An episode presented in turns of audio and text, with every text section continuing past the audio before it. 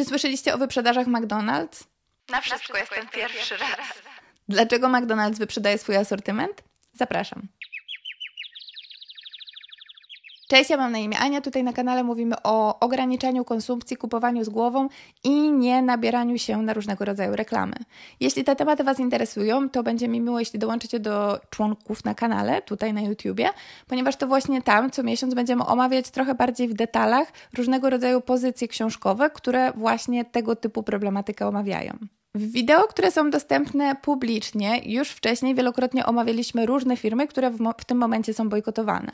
Mówiliśmy o Starbucksie, mówiliśmy o Zarze. Dzisiaj przyszedł czas na giganta fast food, czyli McDonald's. McDonald's to sieciówka, która wydaje mi się nie potrzebuje żadnego wstępu i nie potrzebuje zbyt dużego opisu z mojej strony. Ja swoją drogą tutaj na kanale zrobiłam już inne wideo na ich temat, w którym omawiam bardziej w szczegółach, dlaczego ja bojkotuję McDonald's już od wielu lat. Jednak teraz, na przestrzeni ostatnich ostatnich kilku tygodni, kilku miesięcy, bojkot McDonald's stał się czymś mega popularnym, czymś, na co zdecydowało się dużo więcej osób niż wcześniej. Co się stało, że akurat teraz ludzie zdecydowali się odwrócić od giganta kanapkowego, od miejsca, gdzie mają najlepsze lody, najlepszą kawę na całym świecie? W październiku 2023 roku restauracje McDonald's znajdujące się w Izraelu zdecydowały podarować posiłki wojsku. Gdy pojawiły się pierwsze zdjęcia dokumentujące właśnie to wydarzenie, od razu pojawiły się głosy krzyczące, że powinniśmy bojkotować McDonald's. Bojkot McDonald's, podobnie jak Starbucksa swoją drogą, przede wszystkim ma miejsce w Stanach Zjednoczonych i na Bliskim Wschodzie, w Indiach i w Pakistanie. I to właśnie tam Obie te sieciówki zarejestrowały największe spadki zainteresowania swoim asortymentem. Już w listopadzie 2023 roku, czyli niespełna miesiąc po tym, gdy ta newralgiczna sytuacja ze zdjęciami pokazującymi posiłki, które McDonald's Izrael dał wojsku, miała miejsce, McDonald's w Pakistanie i w Indiach zanotował tak olbrzymie straty zysków, że aż zdecydował się wprowadzić różnego rodzaju promocje na swoje kanapki, napoje czy desery. Raz niespełna dwa miesiące później zaczęły pojawiać się oficjalne posty y, CEO McDonald's, które jasno i klarownie mówią o tym, że nie są do końca zadowolone w związku z tym, że ludzie przestali kupować kanapki w sieciówce fast foodowej. Na różnego rodzaju portalach znalazłam informację, jakoby wspominał on, że McDonald's sam w sobie nigdy nie wziął strony w konflikcie zbrojnym, który w tym momencie ma miejsce e, w Gazie i w Izraelu. I też właśnie w związku z tym nie do końca rozumie on, czemu ludzie zdecydowali się od restauracji odwrócić. McDonald's działa w modelu franczyzowym. Oznacza to, że wszystkie restauracje teoretycznie mają dokładnie takie samo logo, bardzo podobne menu, że mają bardzo podobną politykę prywatności, politykę tego, tamtego i owego. Jednak, jako że są franczyzami, teoretycznie mają niezależnych właścicieli. Że bardzo możliwym jest, iż właściciele franczyz, które znajdują się w Izraelu, działali w sposób, który był w żaden sposób nieskoordynowany z tym wszystkim, co decydowane jest w Stanach Zjednoczonych.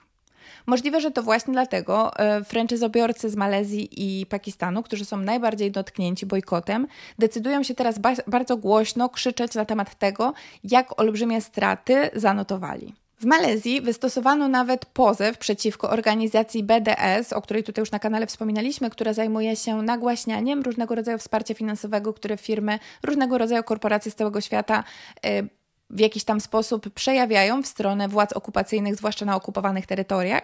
Malezyjscy franczyzobiorcy McDonald's mówią, że ruch BDS w fałszywy sposób przedstawia ich stosunek do tego, co dzieje się w tym momencie na ziemiach Palestyny i też właśnie w związku z tym, że niejako odbierają im oni przychód, pomimo tego, że oni sami w żaden sposób nie wspierają tego, co ich koledzy z innego kraju zrobili. Pozew ten swoją drogą w ogóle jest na prawie 1 milion dolarów czy 1 milion euro i wydaje mi się, że jest to całkiem spora kwota, która przede wszystkim ma chyba nastraszyć wiele osób, które o bojkotach mówią w taki sposób, aby może, no nie wiem, przestały się odzywać i pozwoliły firmom robić wszystko to, co chcą, bez y, jakichkolwiek komentarzy ze strony opinii publicznej. Z jakiejś tam strony trudno mi się dziwić, w związku z tym, że franczyzobiorcy na całym świecie są zdenerwowani w związku z różnego rodzaju bojkotami, zwłaszcza bojkotem McDonald's.